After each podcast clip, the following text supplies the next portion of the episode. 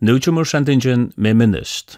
Jekvanarke hittir forsara gamla Egil Høydal ur Høyvøk, som for det mesta hever bo utanlands.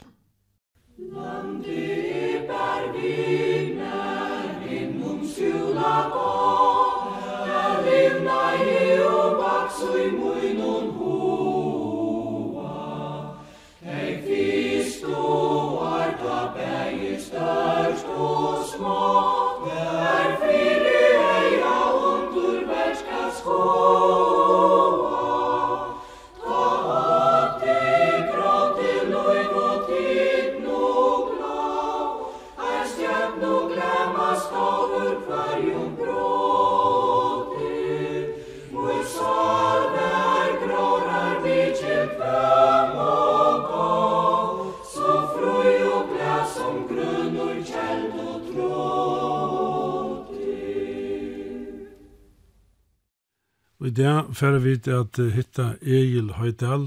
Egil Høydal er sonur Karsten og Marie Lovise Høydal, og han er eldster av Taimon Fyra søsken. Og Egil, du har ikke bo nek ved fyrjun, men nu de senaste årene har du bo av Rømø i Sorjulandet. Hvordan blir det til? Jeg halde i en sånn krevjeråd som har flagret rundt i verden, og hefur rønt nek og løynting Men eit som har vært lukket som ein pastor enn statsparrat, det er at jeg har vært lærare, og jeg har vært lærare i Sojelandet. Tatt vi marsje, og tatt vi det som heter Høya Sluse. Og her har vi vært skolafelk av Nuttland bygda skola, og kona min, hun er ur tog bygden, her vi var lærare. Mamma hennara og abbe hennara var i henne, så vi yngste er kommet den veien, enn av det, tag vi kom atter ur Saudi-Arabien. Her har vi så vært, og jeg har så flakset rundt og flagret rundt ærestene, og haft orla og imestene. Men uh, en av tog var det her, og her kom jeg alltid foreldrene som er, og badjene, vi heldte sommerferie av Røme.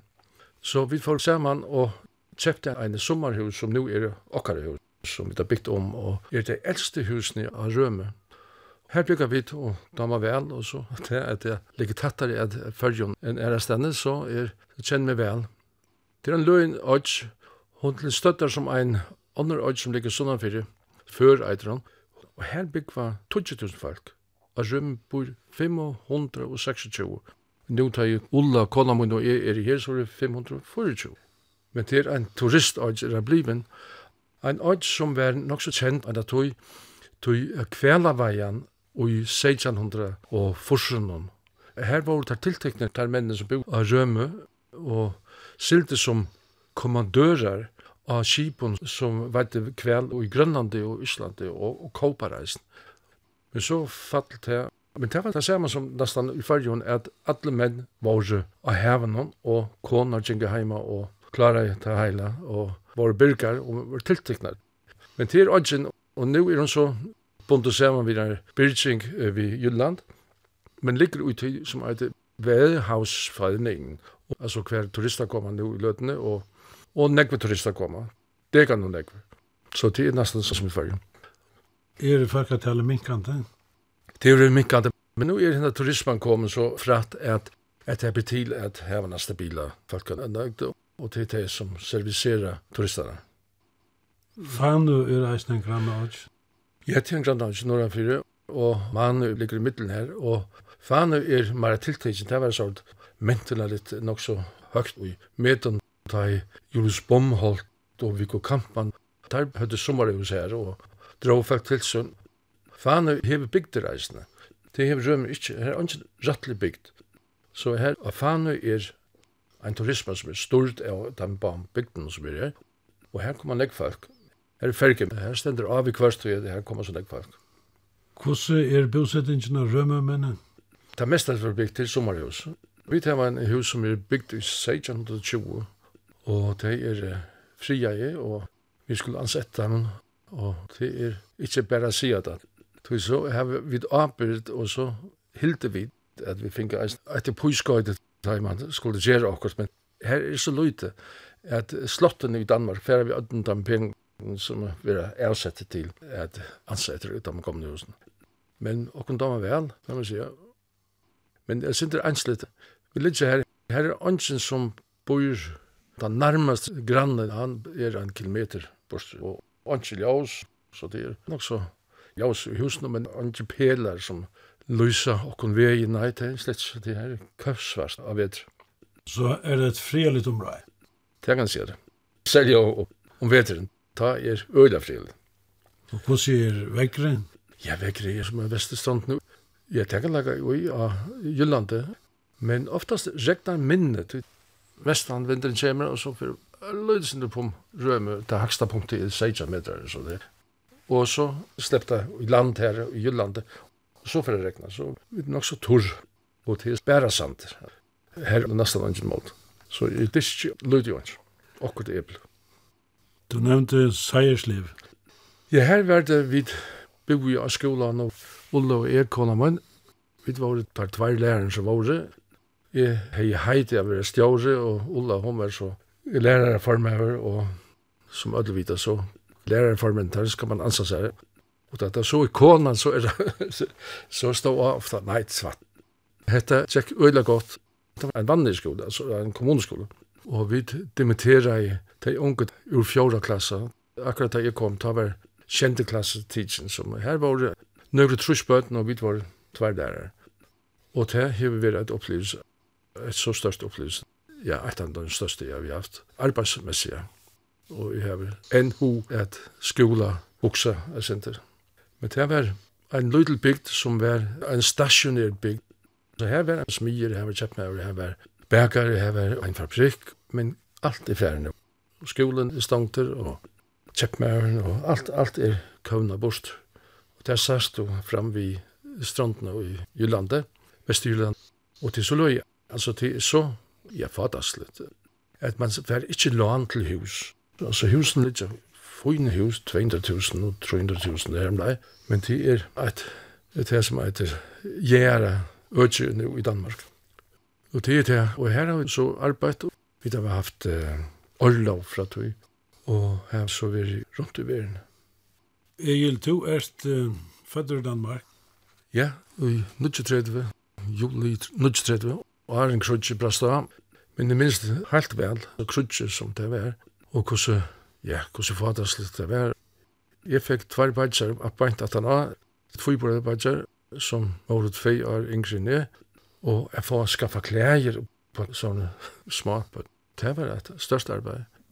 Pappa sjekka lampen og skola, og hei eisen arbeid, og mamma var noen arbeid, og hun helt saman av fudgjengene av familiene, en av tog, Men så var pappan liver, og så kom frier.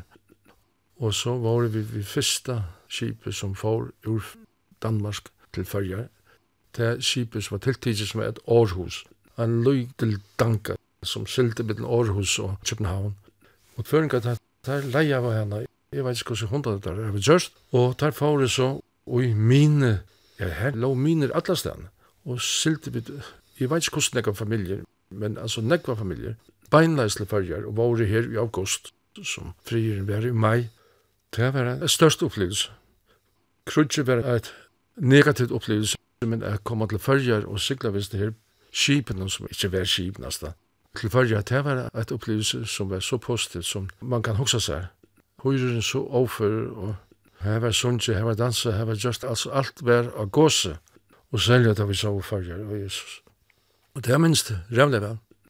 Den første natten bodde nere i Tinkusvenn, så en her frøken Berg, som hever sjukasøster oppe i Høydelen, som pa bekjente, og bodde her.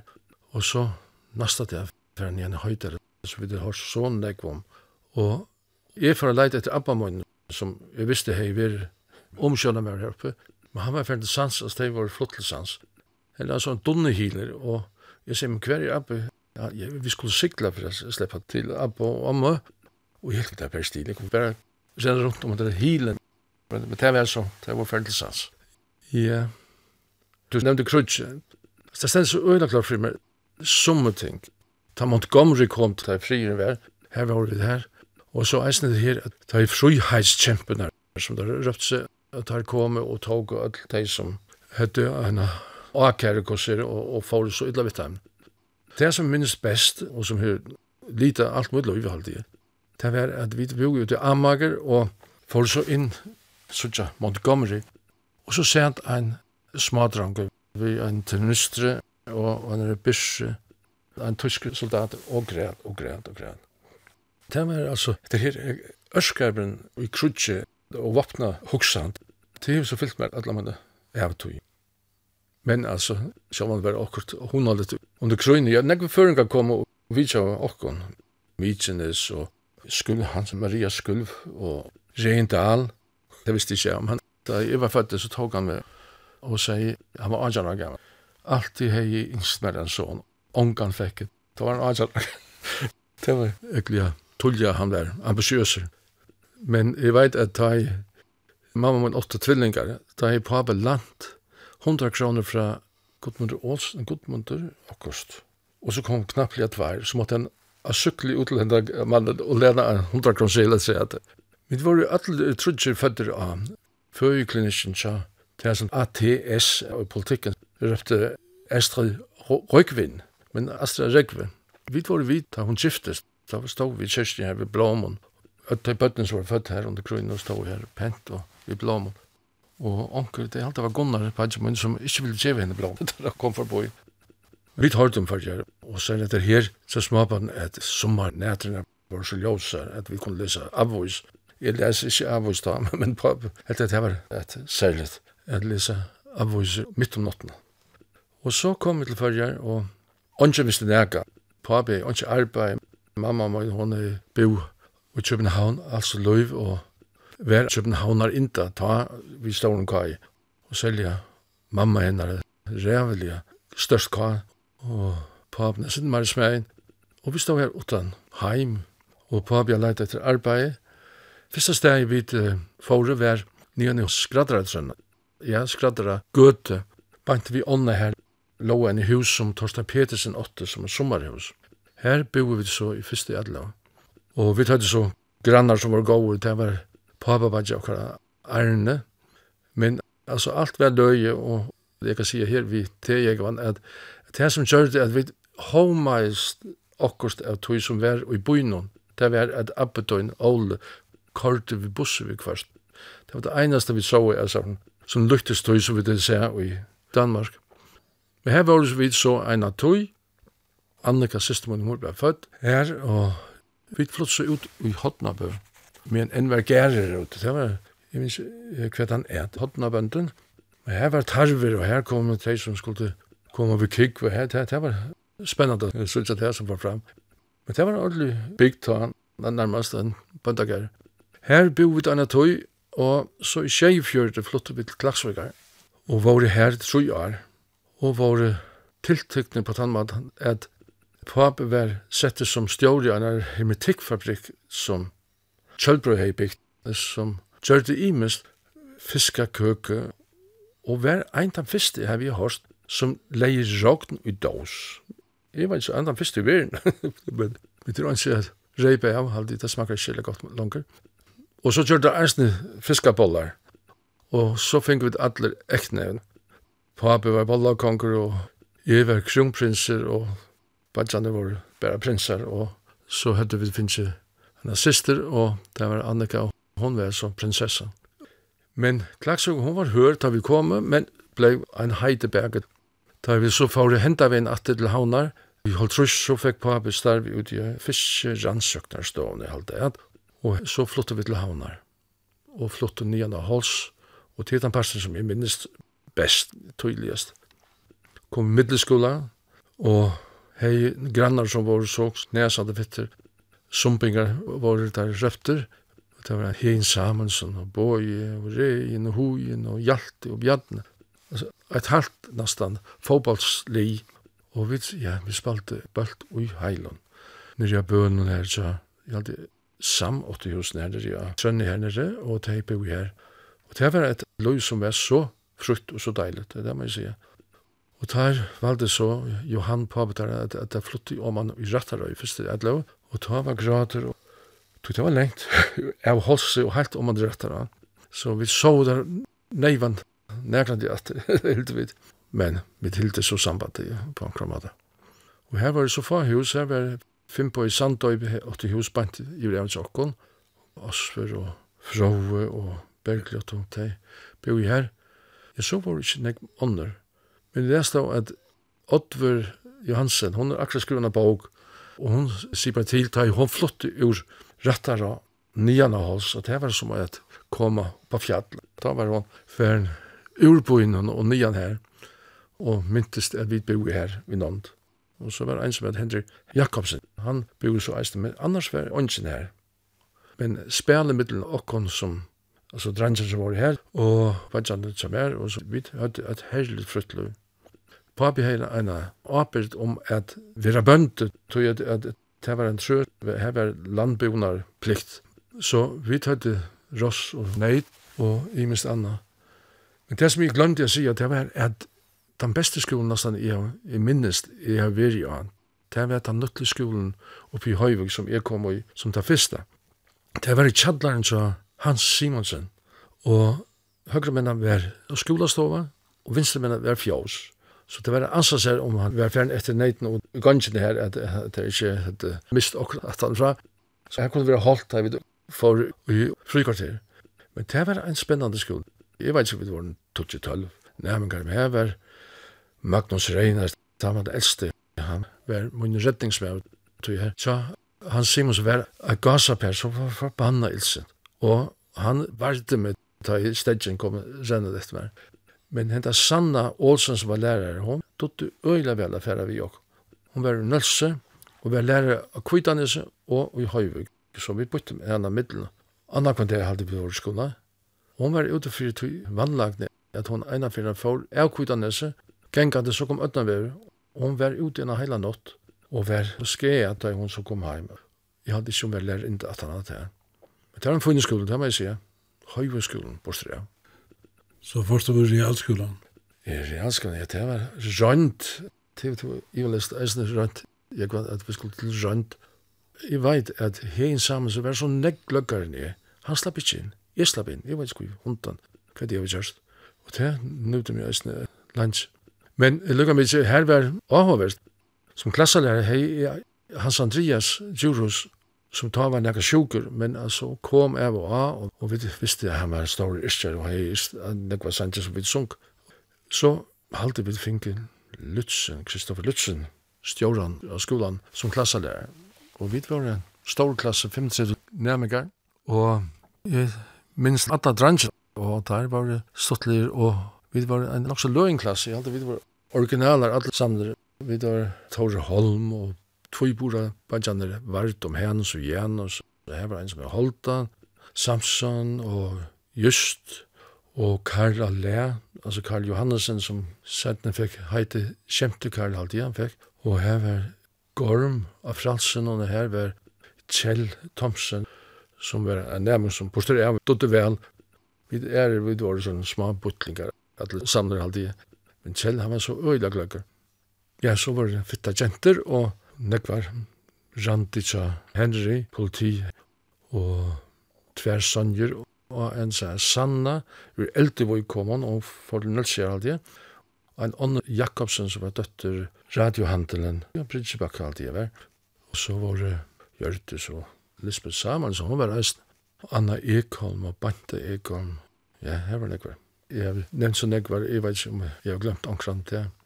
mot de fire meg.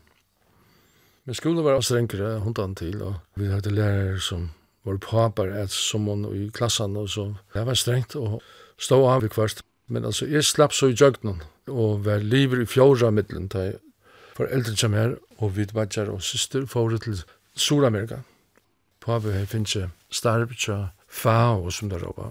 Vi var sendt til Manta, som var en løytel, løytel, løytel bygd av Vestranden Sur-Amerika og Ecuador. Vi tatt et samband. Det var det at Bantje Fraser Estrøy, John Estrøy, han bor her nere, så vi hadde samband vi han. Og han hittet vi så på en av vi kom, og han hjelpte jo. Det var ikke, altså da vi kom, pust, pust, ikke. Og vi skulle så le, okkur. Minst det første nottene, lå vi den hus fingra til ursprung, som var velgen løyer, så kom en rævlig stor flagermus. Og vi hadde hørt om store flagermus som trukk blå, altså. Så papi er så til vakt alle nattene. Hun får ivanlest å leve av. Og Gunnar, Kjerstan, Annika og mamma må lov en dunka av klæven, og vi så det her og eglet i seg flagermus som flei kjøkken alt i huset til at velgen var så løyer. Men ånden døy her, hvordan er Alt var klara. Så var vi her og høyde et helt enastandard år hadde jeg til lita mot løyve, mersa hvordan fadag folk levde, og kvært kunde være gjørst, og det er bare til at kanskje hjelpa, og færa vi hegg ikke leip av, men, men drå folk vi i stedet for å skumpa under. Og det var et år som, er, ja, vi får ikke skola.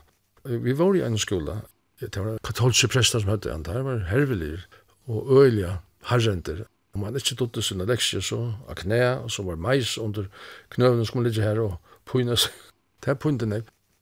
Vi satt så alltid at her kom onker og vidja okken ur fyrjun, så vi var omkylda, her kom onker ur fyrjun. I behøver, ja, John kom så onker av og så. Prestan der, der hette en bundna epi oppi at etetjene, tja dana, og arka hana, akvarium frikvarter, for der på her arka epna. Einar fyrir vi kom heim, så sitter epan oppi en altan vi tøtt. Nå, ja, og vi visste her, en endi her, og hvordan hun var sloppende fri, og hva det var hent her. Det vet vi. Men vi råker henne så ur altanene, og så leip hun opp av loft, opp av tegene til oss. Vi rønte ikke noe etta. Hun var bare ildsint og bensjen, og ja, så kom hun vatten, og så, og, og så får vi til trappene. Akkurat det tog, Annika får vi til trappene, så leip hun opp beitene i knæet. Og skrutsk og skral, og vi om man atter, Og nästa dag så hem kräkva sig alltså trappen här och här kom folk upp fra fängarna och så lei på någon där kvar hon så fort det vet inte. Biten är til nok också. Här kunde vi allt mulig och sen biten om det här var inte. Och kjent. Var det här en nutje månader hadde bo i Rom av vet i Ecuador og pappa fick blindtarmsbetennelse och och vær og tog klinikkene som Lolla Brigida hei ått, det var så øyla funkt, Det var bare nonner, og, og nonner kom og spurte om Pabi hei haft vind at han har operasjonen. Og han var så smeg, helt det var rævlen. Nonner for å spyrre om han er i fred. og så får det sted, og, og klar av det. Og var det så senter heim, eller sendt heim, bei Bajan Jamer og jeg og søster min, at læra okkurst. Altså, jeg var så mykje gammal, jeg var 15 år gammal, og Bajan 13 og Annika Nudge alltid. Ja. Vi får så heim. Samband, det var så løy. Så vi flog ur rom, så skulle vi stegga flere for den tanka, bunkra flåfære.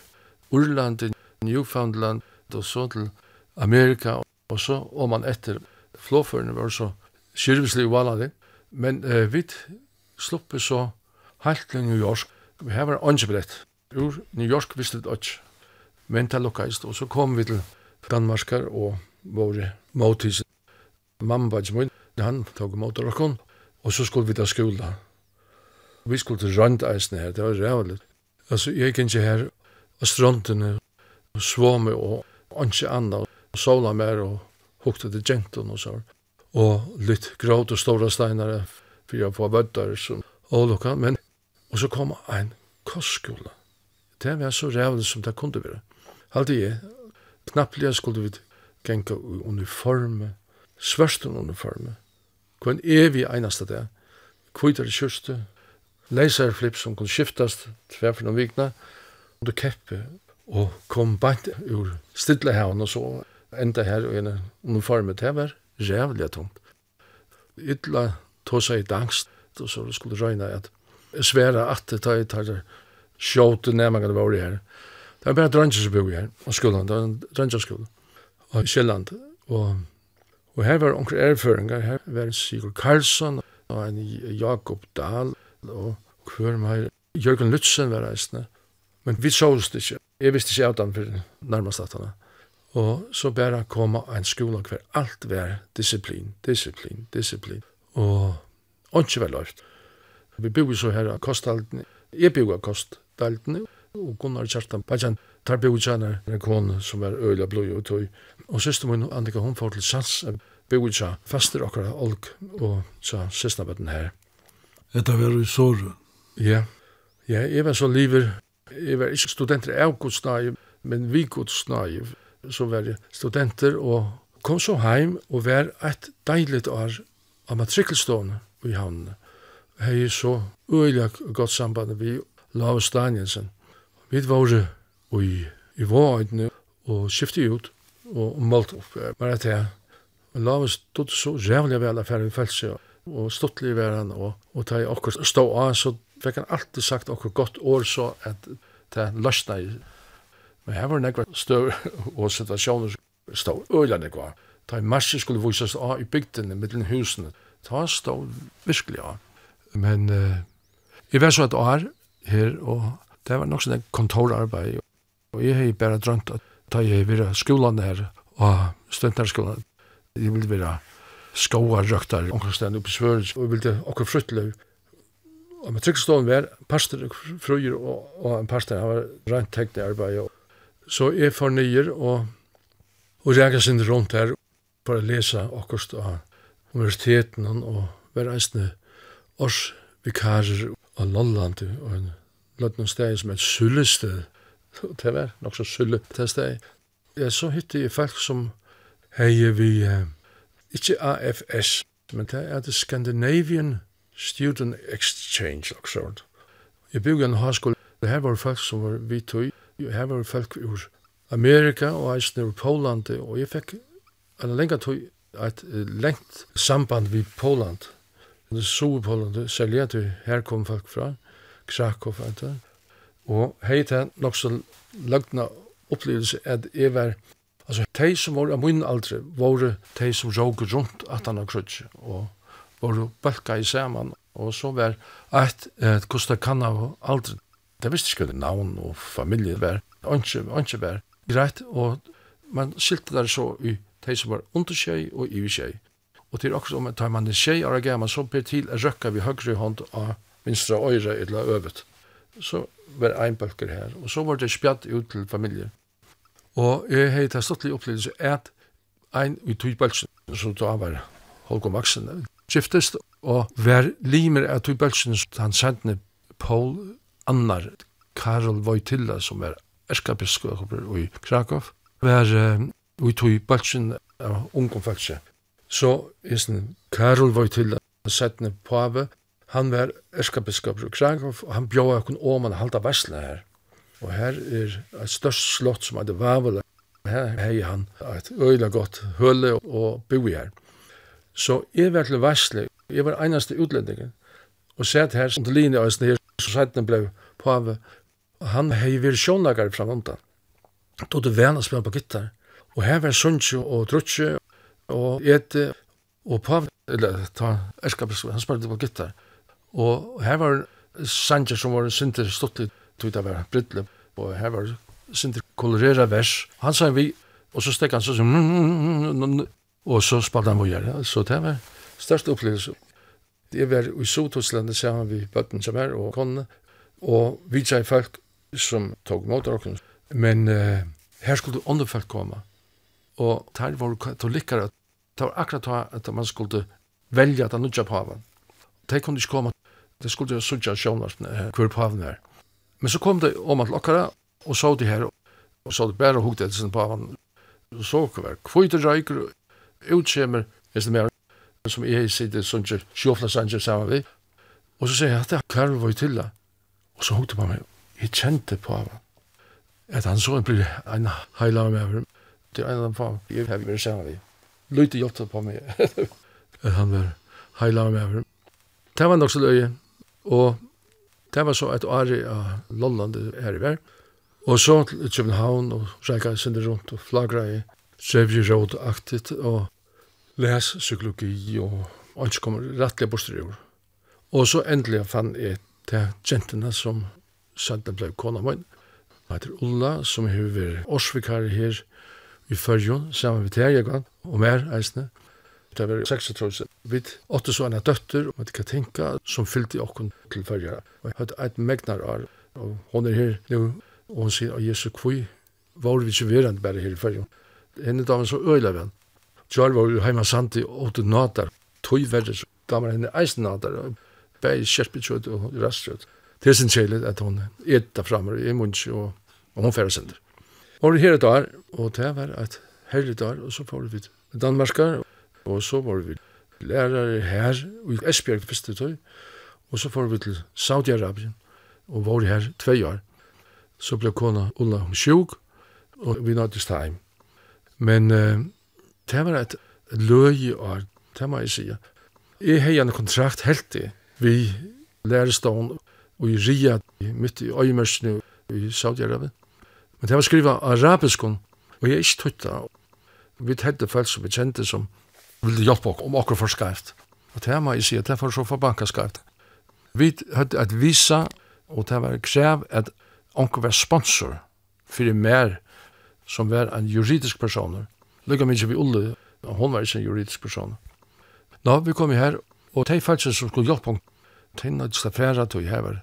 Jeg vet ikke, jeg var avganger, jeg vet ikke hva det var. Og så stod vi til knapplig her, og ville heim. Jeg har jo onka penger vi, ikke returbillett det tjekk akkurat han tøyen at visa seg helt opp her. Så stod illegalt vi kone og en døtter på fem år og i Saudi-Arab. Og til ikke eit igjen. Men om det var alt til vildar litt, det var alla som hjelpte oss, det var ikke. Men det kostet, så hytte vi folk som var blå i tøy og hjelpte oss. Men altså, jeg var illegalt, angen er var illegalt i Arab. Det var egentlig strengt land, altså på alle måter øyelig. Men her var en konge som var øyelig asketisk, han som er kong Faisal. Her var skil av det. Her var ikke det avgengende som nu er i Saudi-Arabien.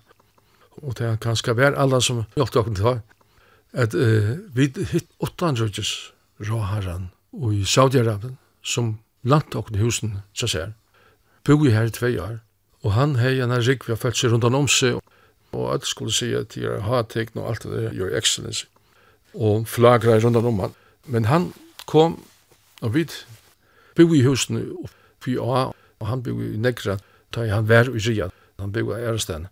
Og hver jeg finner at han så kom til Riyad, så benka han på til okken, og så kom han opp, så kjørte han døver han sammen vi døtter okkara, og ble okkara virkelig gode viner. Og han kjørte gjerne ha til en egen som helst, men det var vinerlig framom etter her.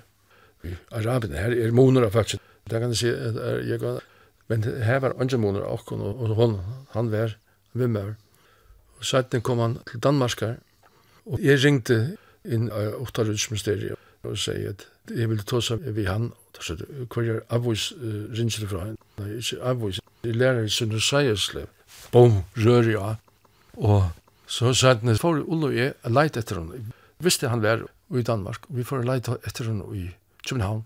Og for rundt til Øtl, hoteller som var her. Dankte til, her var han skriver inn, men det er ikke se han. Så var også andre, og tre eller fjorda, så kom han enda til SAS-hotellet. Og her stod en unge med meg, og vi spurte, er han her? Nei, han er akkurat ferien. Nå. No. Og det var nok slik kjent hotellet, måte tivoli, her er ståler som stand der. Og da han hei sagt at han var ferien, så vendte alle stålene, og her så det menn i cotton coat og kom mot dere, og spurte hva vi var det. Og vi var så drien og nærmest utivelig å prate og for å si fra at vi kjente han. Og ja, så var avtalen, han kom, han hadde vært nere av uh, skipet som drottens eier, og vi sammen med prins Henrik. Nå, no, og han skulle så komme. Vi kom så Arjen og stod inne her, og så kom han og sa og kom rennende mot dere, og her, ute knapt, jeg følte seg som han seg etter.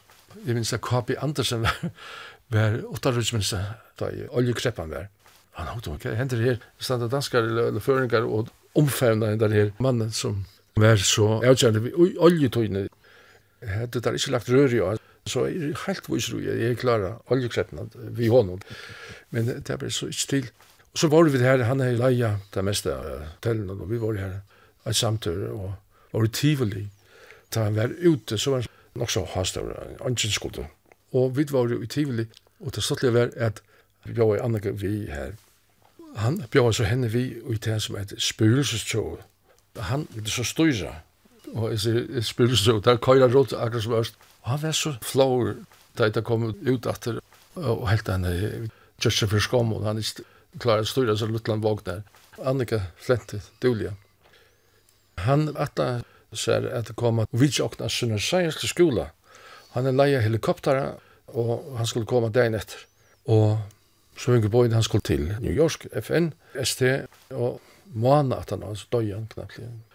Det var særlig. Han er Said Sagaf, Said Sagaf er det. Og var en stås person. Han var sånn en som var trealer til omkron, og hei finnes ikke avbyrd og alt, og var vimmer av tjakonj. Så kong Faisal som sættene var driben av en pappa papabadja sånn, lukkra. Da var vi heima. Mm.